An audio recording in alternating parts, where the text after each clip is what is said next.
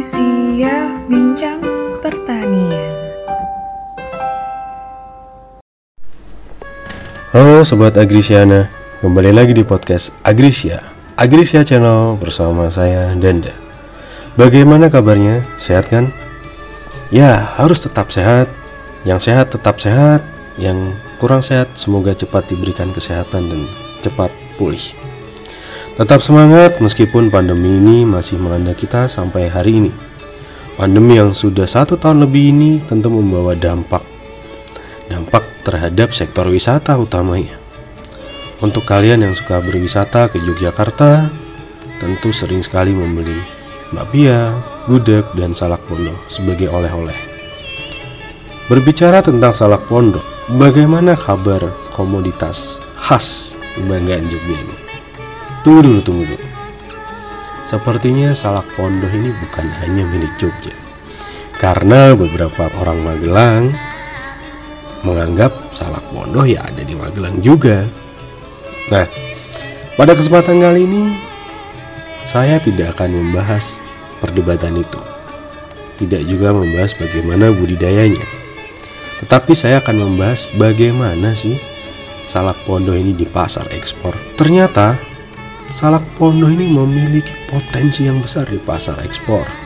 Dilansir dari harian jogja.com, ekspor salak pondok Super Sleman mulai menggeliat setelah sekian lama tertahan akibat pandemi COVID-19.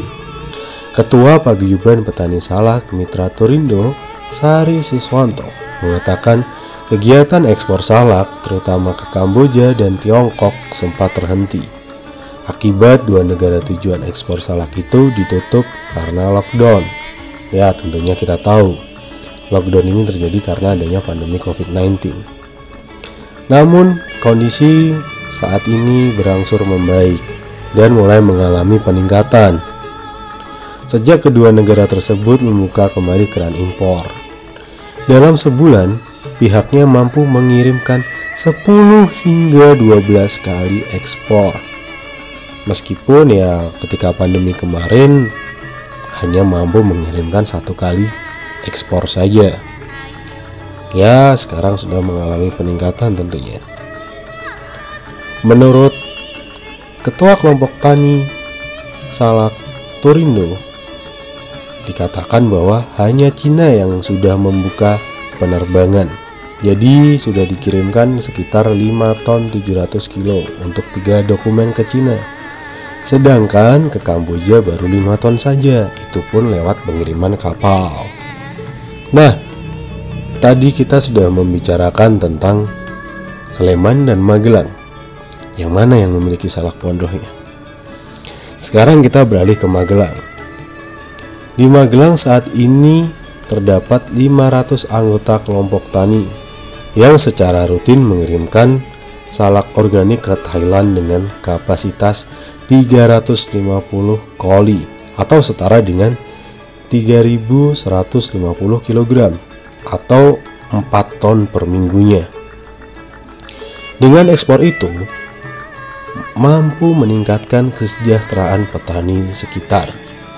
Salak kualitas ekspor harga belinya relatif stabil, yakni Rp8.000 hingga Rp10.000 per kilogramnya.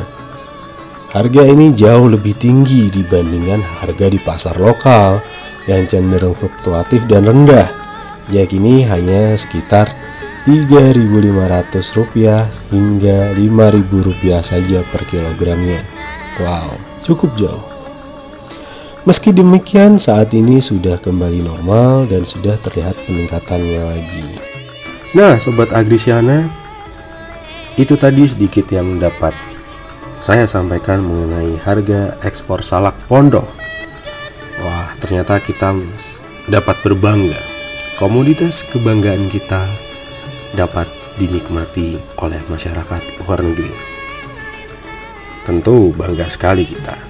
Nah, untuk sobat Agrisiana yang ingin menikmati salak pondok tetapi tidak ingin repot-repot ke Jogja dan sekitarnya karena masih takut dengan adanya kondisi pandemi COVID-19 ini bisa membeli salak pondok melalui sosial media maupun internet bisa melalui Instagram, Facebook, dan platform digital pertanian lainnya.